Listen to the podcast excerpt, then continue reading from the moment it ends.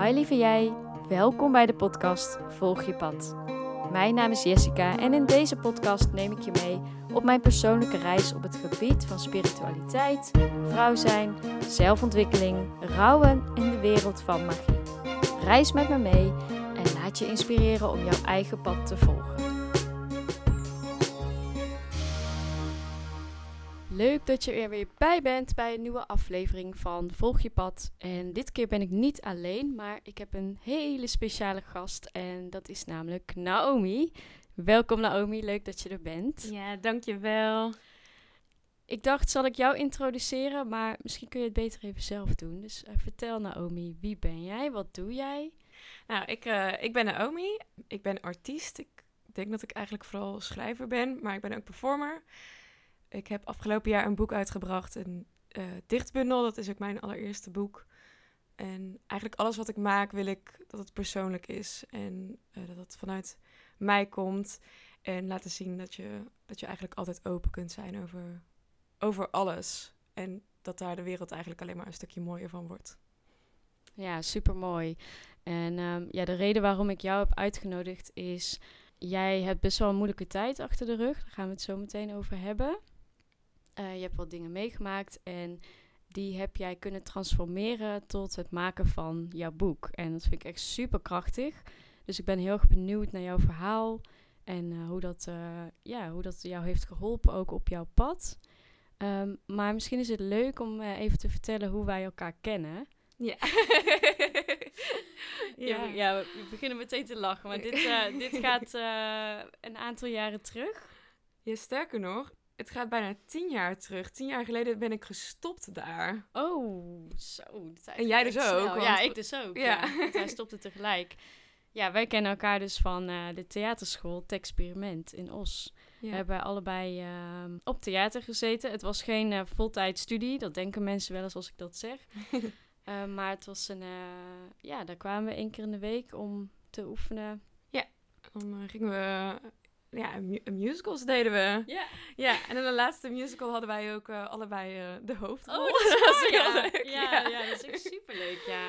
Ja, ja. klopt. Ja, en die, uh, ja, in AIDA was dat. En klopt. die musical die wordt nu ook weer, die komt weer naar Nederland. Ja, ja dus, echt super grappig. ja, dat is leuk.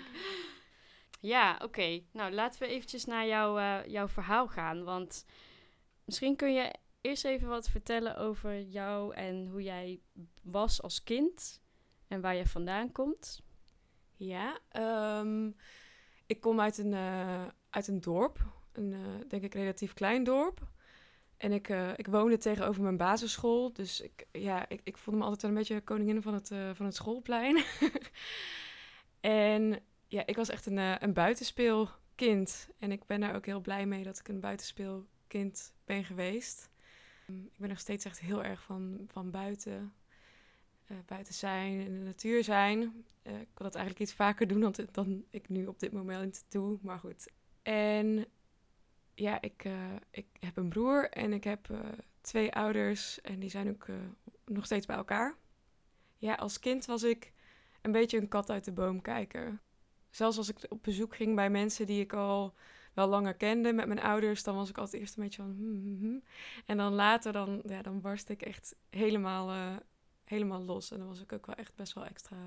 Extra, zeg maar. Extravert, ja. Dat en ben je altijd al creatief geweest? Um, ja, ik, ik denk het wel. Um, ik denk omdat het in mijn gezin misschien iets minder aan de hand is dat het wat later tot, uh, tot bloei kwam.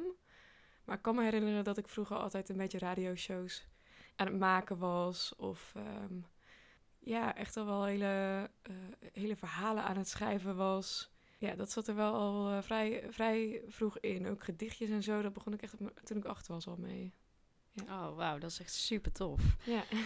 um, en ik vraag me ook af, want jij bent uh, artiest. En hoe is dat dan zo gekomen? Hoe is jouw pad verlopen tot artiest? Um, ik denk dat ik op een gegeven moment. Denken, ik was toen denk ik elf. En toen mocht ik mee naar The Lion King, de musical. en ik ging daar naartoe en het was de allereerste musical die ik ooit heb gezien. En toen dacht ik echt meteen van, oh, dit wil ik ook. Dit is het. En ik deed toen al wel dansen. en ik denk twee jaar later of zo, of anderhalf jaar later, ben ik dus bij die uh, theaterschool begonnen waar wij elkaar hebben ontmoet. Ja, ik had eigenlijk al heel duidelijk van dit ga ik doen. En ja, dat pad heb ik eigenlijk nooit echt meer losgelaten. In ieder geval, uh, alleen is het, het pad is iets um, flexibeler geworden. Ik, eerst was het echt van, ik wil alleen musical. En toen, ja, dan komen er toch andere dingen voorbij. En ik, ik ben eigenlijk heel dankbaar dat ik nooit ben aangenomen voor de opleiding muziektheater, ondanks dat ik daar vijf jaar voor geauditeerd heb. Ja, ja. ja ik kan me inderdaad herinneren dat jij echt een, een vol, volhouder bent. Zeg je dat zo? Ja. Ja. Ja, ja. ja, dat, is wel, ja dat is wel een mooie, mooie eigenschap. Maar uiteindelijk ben je dus niet aangenomen voor muziektheater, maar wel voor... Jazz. Oké. Jazzmuziek. Ja. Ja. Dus ik ben Ja. toch wel zang gaan studeren. Maar andere, ja, een, andere, een andere tak daarvan. En dat is wel via musical gekomen. Toen ik op de Musical Factory in Tilburg zat. Eh, dat is een deeltijdopleiding, maar kun je, ja, je kunt het ook zien als vooropleiding. Eh een van die docenten geeft ook les op, eh, op het conservatorium in Tilburg, maar dan voor de jazzleerlingen. En zij zei tegen mij, ja, je, moet, je zou echt eens bij jazz en pop moeten kijken. Volgens mij is dat echt jouw ding. En ik moet heel eerlijk zeggen, ik dacht echt jazz. ik had daar helemaal niks mee. maar ik, ja, ik ging daar kijken bij de open dag. En toen dacht ik, oh, dit is toch wel heel erg fijn. En toen heb ik een proefles gedaan. En ja, je bent zo vrij om alles met dat nummer te doen. Je mag het een toonsoort, toonsoorten veranderen. Dat mag een musical dus echt niet. Je moet het echt in die toonsoort zingen. En je mag nummers van mannen zingen. Ik vond altijd dat er hele mooie mannennummers waren in musical. En die mocht ik dan nooit zingen, want ja, hè, je hebt een vrouwenrol, dus eh, dat ging dan weer niet. En, en nu, ik mocht er alles mee doen. En toen dacht ik al, wow, dit geeft wel heel veel vrijheid. Dat is wel heel fijn. En ja, uiteindelijk bleek daar dus ook wel mijn, eh, mijn kracht veel meer te liggen. Ja? Ik wou net zeggen, daar heb je wel geleerd om echt vrij, ja, vrij te zijn daarin qua creativiteit ook, lijkt me. ja ik kan me ook herinneren dat ik altijd bij, bij eh, musical te horen kreeg... Het is heel mooi wat je doet, Naomi, maar het staat niet op papier. Ah, oké. Dus jij bent niet het type van eh, binnen de lijntjes eh, kleuren, Eh, zeg nee. maar. nee, daar was ik blijkbaar onbewust al niet zo goed in. Nee. Nou ja, dat is heel goed, toch? Dat is hartstikke mooi juist. Ja, uiteindelijk mijn kracht gebleken. Ja, Ja. oké. En hoe is jouw, ja, hoe is dat leven toen verder verlopen? Je bent toen die opleiding gaan doen. En toen? ja, ik was natuurlijk super blij dat ik was aangenomen. Maar in een best wel eh, ehm, moeilijke tijd voor mij ben ik aangenomen. Dus het was eigenlijk wel vanaf moment één een beetje een, een strijd. Maar nou ja, de- gaandeweg door de opleiding heen is het allemaal een beetje bergafwaarts gegaan. En toen ik echt eruit kwam te liggen, en dat was eigenlijk, even kijken, 2021 al, was de eerste keer dat ik er een half jaar uit heb gelegen. Want toen voelde ik in één keer dat ik zingen niet meer leuk vond. En ik dacht echt, nee, dat, dat klopt niet. Ik heb zingen altijd wel leuk gevonden, dus nu gaat er iets mis. Toen ben ik eigenlijk weer een beetje teruggegaan naar, eh, naar schrijven. Omdat ik zingen dus even parkeerde, maar er, er, daar zaten wel heel veel teksten eh, en verhalen in mij die ik toch wilde delen. En toen kwam ik eigenlijk terug bij, bij poëzie, waar het ook ooit is begonnen. Maar dat, ja, dat verdween allemaal in muziek. En ik had mezelf ook heel erg opgelegd van... Ja, ik mag geen gedichtjes schrijven, alles moet, alles moet muziek zijn. Anders vond ik het allemaal weer niet goed, goed genoeg. En dat is eigenlijk de hele doorn in mijn bestaan... dat iets niet goed genoeg zou zijn. Dat eh, stukje acceptatie wat ik overal miste. Wat ik denk ik de afgelopen jaren wel eh, heb teruggevonden. Een stuk daarvan in ieder geval. Ja. Ja, want je boek heet ook Genoeg. Ja. Dat is eh, ja, daar ook een uitkomst van, denk ik, van wat je nu vertelt. Ja. En ehm, je vertelt dus, het ging niet goed met je. Wil je daar iets meer over delen? Ja, zeker. Ehm, de eerste keer dus begon het dus met van, oh, ik vind zingen echt helemaal niet meer leuk. Ik denk dat ik mijn eerste eh, ja, paniekaanval heb gehad toen ik negen was. En toen is het weer zo verdwenen. En eigenlijk, het kwam altijd wel een keer weer terug. Dan was het weer een paar jaar stil en dan kwam het weer terug. En elke keer hield het dan weer wat langer aan. En op mijn twintigste kwam eh, PDS, prikkelbare darmsyndroom, voor het eerst om de hoek. En dat versterkt elkaar ook echt alleen maar. En dan werden de periodes elke keer langer. En doordat ik op school gewoon veel eh, stress ervaarde en veel vergelijken met anderen en onzekerheid en et cetera, et cetera, Ehm, en ik een hele tijd een stukje van een thuishaven heb gemist. kwam het toen echt heel erg tot, tot uiting. En in 2021 had ik op een gegeven moment dus echt van... Oh, nee, nu moet ik echt even een stap terug doen. Dat heb ik ook gedaan. Hoe uitte zich dat dan, dat je dat voelde? Dat je een stap terug moest doen? Uh, vermoeidheid, uh, echt heel veel buikpijn. En dan niet, oh, even een steekje, maar gewoon echt... Ik moet nu echt met een kruik en flinke pijnstillers gaan liggen. En zelfs, ik heb denk ik drie keer echt zo'n heftige buikpijn gehad...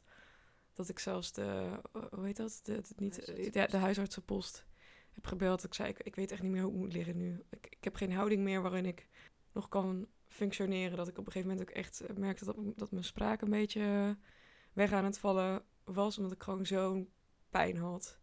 Ja, dan dat is. Eh, nu weet ik dat. Toen dacht ik echt van, oh, ik heb gewoon heel erg buikpijn. Nu weet ik van, oké, nu ben ik wel echt over 600 grenzen heen gegaan. Mm. Ja, die buikpijn is voor jou een alarmbel.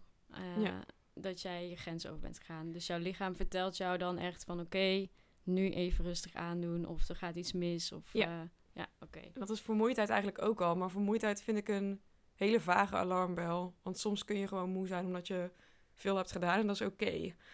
Maar soms dan ben je ook echt wel net iets te lang moe of moe om niet echt om een reden of zo.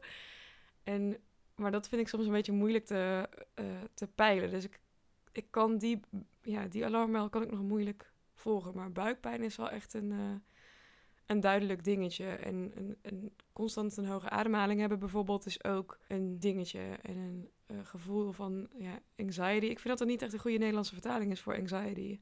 Heb jij mhm. daar een goede vertaling voor? Want ik vind angst vind ik al te intens of zo daarvoor. Anxiety is een soort van voorstadium. Okay. Voor mij daarvan.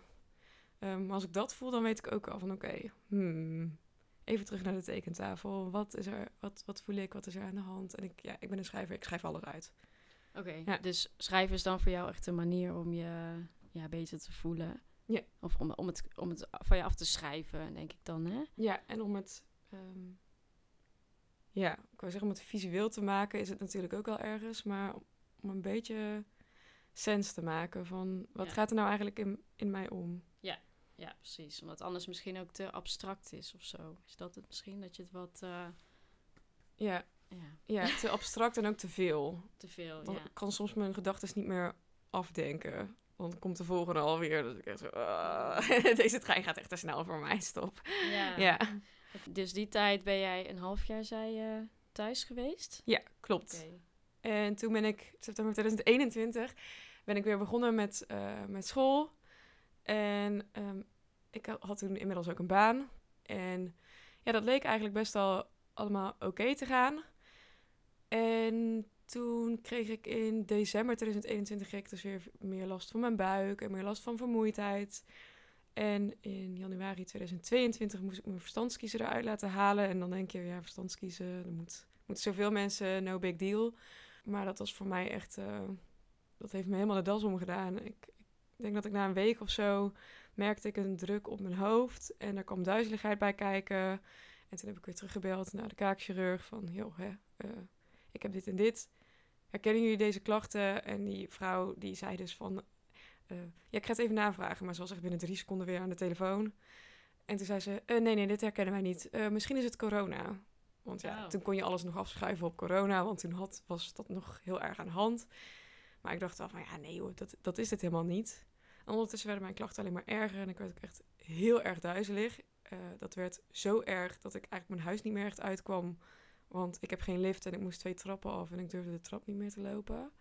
Nou ja, ik, ik, werd, ik wist niet wat aan de hand was. En ik werd daar ook een beetje, hoe noem je dat, hypochondriër van. Want ik ging natuurlijk uh, constant op Google zoeken, wat is er met mij? Nou ja, dan kun je je wel voorstellen wat er allemaal uit die hits komt. Dan heb je binnen no time ben je uh, terminaal ziek. En ik werd daar zo angstig van dat er uh, paniekaanvallen weer helemaal terugkwamen.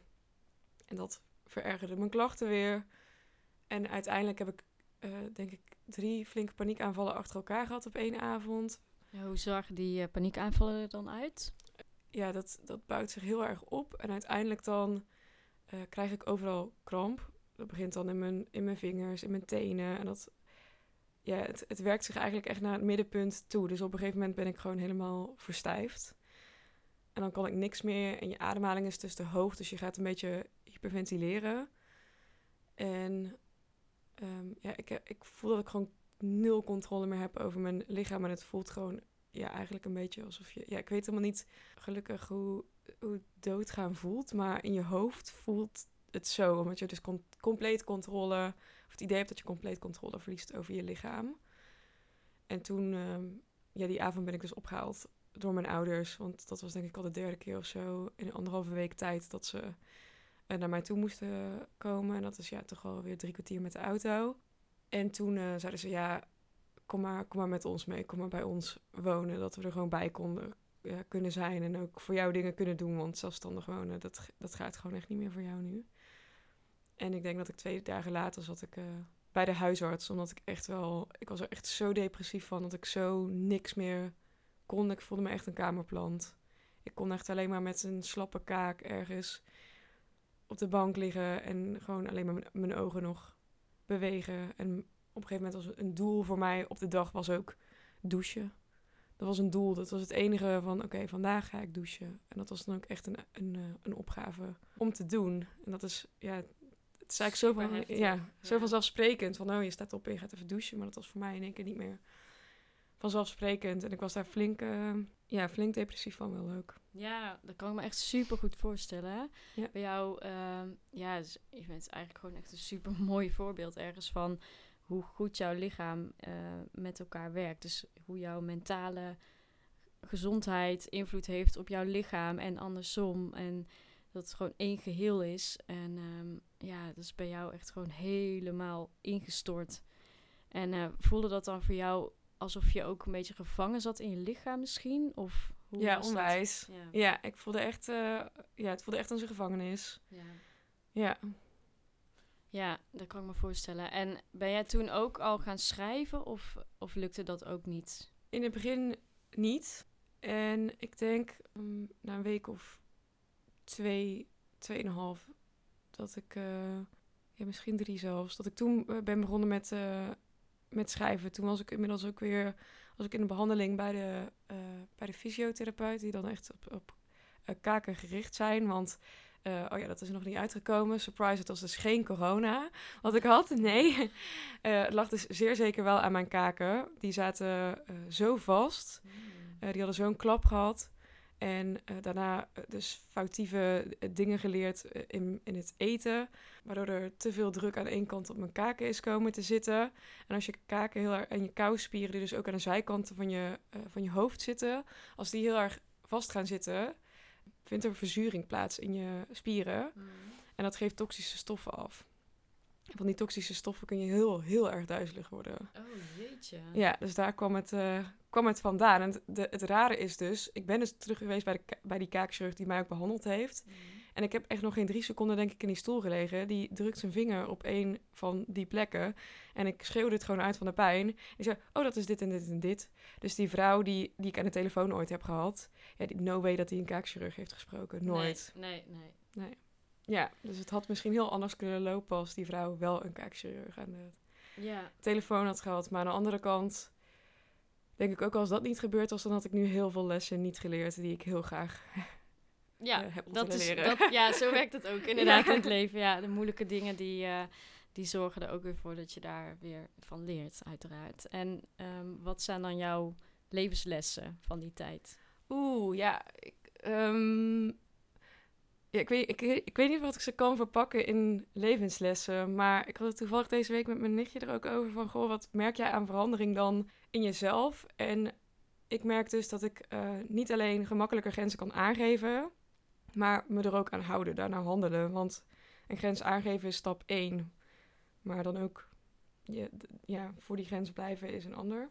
En ja, echt een stuk acceptatie. Ik heb heel erg de neiging dat ik altijd productief moet zijn. En als je dan echt niks kunt, dan, ja, dan kun je dus ook gewoon echt niks. dan ja, echt loslaten. Dus ook in het weekend. Dat, ik even, dat het oké is om gewoon een dag in je pyjama rond te lopen. Als dat is wat jij voelt dat je op dat moment nodig hebt. Of wat je wilt. Ja, dus jij kan nu beter bij jezelf ook voelen wat je nodig hebt en daarna handelen. Ja. Oké, dat is wel echt een hele mooie les. Ja, absoluut. En hoe doe jij dat? Hoe zorg jij voor jezelf? Ehm, er zijn een aantal dingen die ik eh, blijkbaar dus belangrijk vind. Zoals, ja, ik kan er echt niet tegen als mijn huis een rommeltje is. Of eh, wanneer de afwas niet gedaan is. Het zijn dan echt kleine dingen, maar dat, ik zorg wel altijd dat ik dat eh, gedaan heb. dan, dan heb ik meer ruimte in mijn hoofd. Ehm, ik heb altijd voor de, voor de maand een aantal dingen hangen die ik in de maand moet doen. Ik ga nu dus in mei ga ik afstuderen. En dan heb je een beetje een plannetje. Maar als ik. Ja, er zijn dan eigenlijk best wel veel dingen die je daarvoor moet doen. Dat had ik met mijn boek bijvoorbeeld ook. En dan voordat ik ga slapen, denk ik: oh ja, moet ik dat nog doen. Oh ja, moet ik dat nog doen. En uh, ik heb nu gewoon geleerd dat ga ik gewoon allemaal opschrijven. En sommige dingen die ik moet doen, die hoef ik eigenlijk pas twee maanden later te doen. Mm. Ik wil dat ook eigenlijk, als ik het op heb geschreven, dan, dan hoef ik het ook niet meer in mijn hoofd te hebben. Dus nu is het bijna tijd om een uh, lijst voor maart op te hangen. Maar ik heb in januari heb ik me geen zorgen over maken over de dingen van maart. Ik denk, oh ja, die heb ik al opgeschreven, die komen dan, komen dan wel weer ja, aan dus bod. Je, je hakt je doelen eigenlijk in kleine stukjes. Ja. Je schrijft het op en daardoor kun je het loslaten en... Uh, ja. Kun je daarna handelen, inderdaad. Dat is echt uh, mijn, mijn woord van uh, eh, 2023 is behapbaar. Want ik kan soms echt aan het vasteland staan en weten van... oh, ik moet naar dat eiland toe. En dan wil ik eigenlijk in één, in, in één stap op dat eiland staan. Ja. Terwijl dat is best wel lastig om van de, in één stap daar naartoe te gaan. Terwijl als je, ja, als je het op gaat delen dus in stukjes... dan denk je, oh ja, dit is eigenlijk best wel te doen. En dat is ook, um, dat is eigenlijk vorig jaar ook gebeurd met uh, toen ik eigenlijk voor het eerst echt ging onder, ondernemen als, uh, als creatieve geest. Om het ook behapbaar te maken. Want als je denkt van, oh ja, ik wil een boek uitgeven en ik wil daarbij een webshop hebben, dat is best wel groot. Mm -hmm. Absoluut. Waar begin je? ik had nog helemaal niks. Ja. ik had een Instagram pagina en uh, dat was het eigenlijk. Ja. En dan moet je, eh, ja, dan, dan ga je die stapjes ga je maken. En ik heb toen ook een cursus daarin gedaan, creatief ondernemen. Dat was een Instagram cursus van uh, vijf dagen, meen ik. En ik heb dat toen ook in een community week ben ik gestart. Dus ik ben met een groep tegelijkertijd gestart, maar het was wel allemaal online. Mm -hmm. Maar dan kun je wel elkaar een beetje aanzwieren. Werd je ook in een groepsapp gegooid van... hey, wat hebben jullie hierbij gedaan en daarbij gedaan? Dat was heel erg leuk. En dan maak je echt allemaal kleine stapjes. Maar als ik bekijk wat ik eigenlijk in die vijf dagen heb gedaan holy, holy ass. ja, het is echt... weet je wat ik dus ook wel grappig vind? Jouw woord is dus behapbaar. En je vertelt net het hele verhaal van je kaken. Dat is ook wel een mooie verbinding, toch? Ja. uh, happen en, en je kaken. Ja, klopt. Ja, heb je daar wel eens over nagedacht? Nee, helemaal niet. Goeie. ja. ik ben niet de enige die over woorden nadenkt, hoor nee, ik al. nee.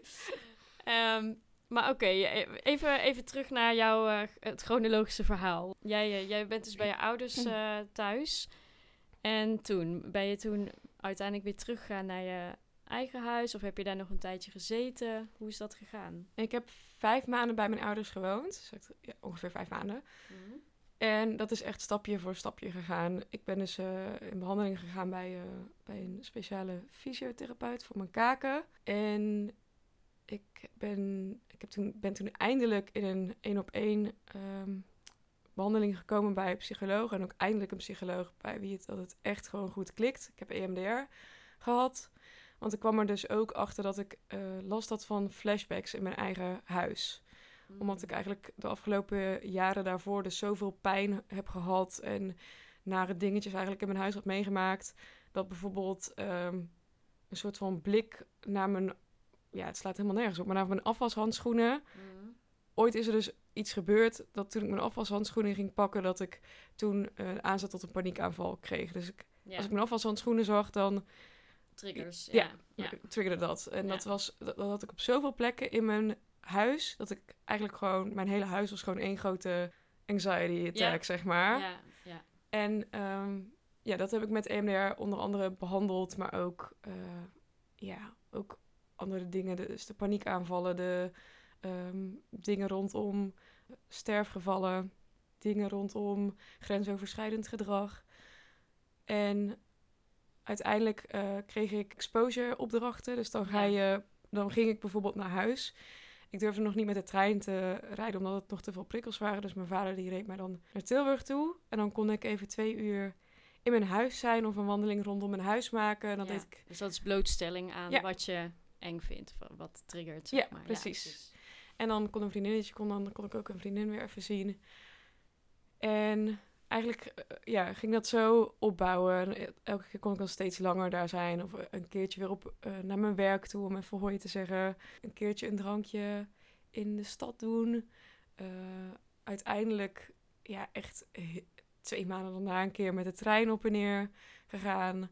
Eén nachtje blijven slapen. ehm, Ja, dat is allemaal kleine stapjes om... behapbaar. Ja, ja, ja, naar, naar jouw normale leven van... eh, ja, Ja. hoe je dat zou willen. En ik heb dus echt, ehm, ja, ik zweer dus echt bij EMDR-therapie, want ik heb dus echt nul flashbacks meer in mijn huis.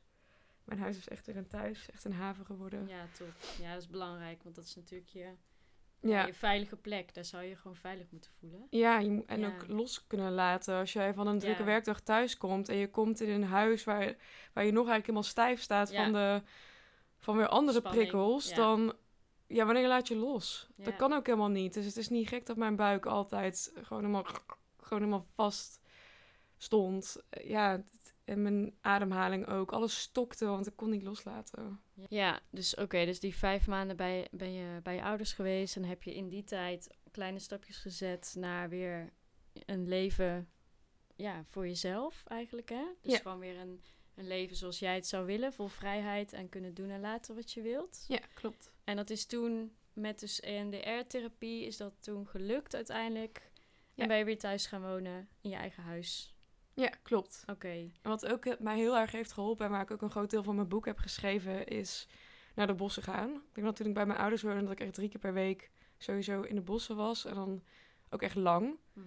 En dan eh, ging ik gewoon zitten en een stukje schrijven en dan een stukje doorlopen. En ik had altijd een boek bij me, dus ik ook soms gewoon een stuk lezen, want daar kreeg ik dan ook weer nieuwe eh, dingen van. inspiratie. Ja, het is echt ehm, het is heel veel rust, heel veel ruimte. Ja, klinkt wel als een manier voor jou om ook weer eh, tot jezelf te komen. Dus echt in, het, ja, in de natuur zijn, Ja. eh, weer kunnen aarden met, de, ja, met jezelf, in je lichaam komen. En eh, dat heeft eh, jou ook geholpen om je boek uiteindelijk te schrijven, Ja, denk ik. Ja, zoals ik ook eh, beschreef in, ehm, in mijn speech die ik heb gehouden op, eh, ja, tijdens de lancering van mijn boek. Dat ik in de bossen eigenlijk de tijd heel erg liet verdwalen. Terwijl ik dus stukjes van mezelf weer terugvond daar. Zo voelt dat voor mij. Ja, Ja, mooi. echt heel erg. Ja, ja dat was echt, ja, echt heel fijn. En nu ook, als ik echt even vastzit of zo, ja, dan weet ik gewoon precies waar ik naartoe moet. Dan moet ik echt weer in de, in de natuur zijn. En ik besef nu ik dit zeg, hoe een beetje, ja, I don't know, een beetje, eh, ja, zweverig of zo dit overkomt. Of, alsof ik daar, ja, I don't know. eh, In mijn podcast eh, is, is, het niet niks, zwe- is het niks zweverig? Nee. Nee, dat is ook zo. Maar ik, ja, I don't know. Het is echt, ja, voor mij echt heel, heel belangrijk. Ook om daar gewoon lekker te, te zitten. Heel Ja. fijn. Ja, ik, ja wat, mij, eh, wat mij opvalt is eh, jouw antwoord op mijn vraag van hoe kun je dan voor jezelf zorgen. En hele echte handige tools hoor, dat je dingetjes letterlijk opschrijft en lijsten maakt. Ik mis een beetje ehm, die connectie echt met je lichaam en ja, in je, weer terug in jezelf komen. En eh, nu geef je wel aan dat je dus in het bos, dat je daar wel echt voelt dat je je daar fijn voelt. Ehm, maar als je hier nu zo over nadenkt, zijn er nog meer dingen die jij doet om voor jezelf te zorgen om, om weer tot jezelf te komen? Ja, zeker. Ik mediteer ook eh, veel. En dan, ja, sowieso dagelijks. En dan neem je sowieso al een moment om even te voelen van... hé, hey, hoe zit mijn lichaam er nou eigenlijk bij? En laatst had ik bijvoorbeeld even eh, een week of twee weken... dat ik die anxiety weer meer voelde. En toen kreeg ik ook op een gegeven moment buikpijn. Had ik op een maandag had ik buikpijn. Op dinsdag had ik eigenlijk een soort kleine paniekaanval. En toen wist ik ook meteen, oké, dit is niet goed. Ehm, en misschien een jaar geleden, nou een jaar geleden niet, anderhalf jaar geleden, dat ik had gedacht van ja, weet je, eh, het gaat ook alweer voorbij. Ik, ik zie het wel, maar ik had nu echt meteen, oké, die dag daarna heb ik meteen eh, eh, muziek gemeld, of een dag vrijgepakt. En meteen weer alles uit gaan schrijven, want ik merkte ook dus dat mijn afwas bleef staan. Ja. En mijn huis een rommeltje aan het worden was. Mm. Oké, wat is er aan de hand en waar loop ik tegenaan? En dan, dan kwam ik echt wel tegen dingen aan die dus bij mij die lichamelijke klachten veroorzaakt. Dus als ik inderdaad dat stukje van wat er in mijn hoofd gebeurt en wat er in de rest van mijn lichaam gebeurt, als die connectie een beetje, als die dingen een beetje een eigen leven gaan leiden, dat signaal merk ik wanneer die splitsing komt. Ja, dus En- dat heb je wel echt geleerd om daar beter naar te luisteren. Ja, En dan eh, te doen wat goed is voor jou. Dus dat is echt Ja. rust nemen. Ja, je huis is natuurlijk ook wel een afspiegeling van hoe jij je van binnen voelt vaak. Dus dan is het ook gewoon fijn als dat opgeruimd wordt. Heb je weer een rustig hoofd. ja, Mediteren, wat je dan misschien doet. ja, klopt. Eh, na- natuur in. Wandelen wellicht. Schrijven. Ja, en dan kan ik het weer, eh, dan kan ik die wegen weer bij elkaar brengen. En dat, dat, dat betekende deze keer dat ik best wel flinke beslissingen moest maken om dingen in dit geval niet te doen.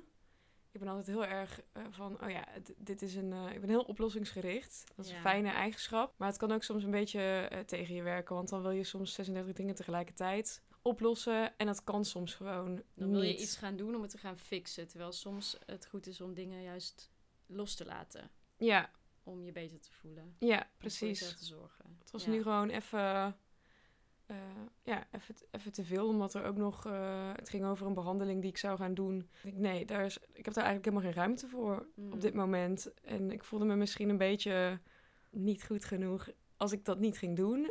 En toen dacht ik, nee, want als ik dat ga doen, dan, dan juist dan loop ik mezelf voorbij. En dat, ja, waarom zou je jezelf voorbij lopen? Dat is gewoon echt, dat is niet handig. dat moet je gewoon niet doen.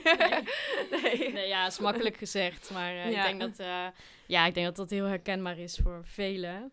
En eh, ook jouw verhaal, ik denk ook dat dat best wel herkenbaar is voor veel mensen op dit moment. Ja. Dus ik eh, vind het echt heel fijn dat je het wilt delen en dat je hier ook zo open over bent. En ehm, ja, misschien is het wel leuk om. eh, eh, ik ga jouw boek er even bij pakken, als je dat goed vindt. Ja? En dan eh, lijkt het mij heel erg leuk als jij een van jouw gedichten, om die voor te lezen, die je op dit moment, waarvan je nu denkt van, oké, deze wil ik nu op dit moment naar buiten brengen. Ik ga het even pakken, je kan even over nadenken. Oh jeetje. Oké. Staat hier ook mooi in de kast. Wat leuk. ja, zeker. Ehm, ik heb er zelf al heel lang niet meer in gekeken. Ik heb het, deze heb ik ook even losgelaten voor mezelf. Ja, kan ik me Ik heb voorstellen. het zo vaak gelezen dat ik dacht, nou, ik vind het eigenlijk wel mooi geweest. Ik denk dat ik voor de laatste ga. Ja, het laatste gedicht heet Overgave.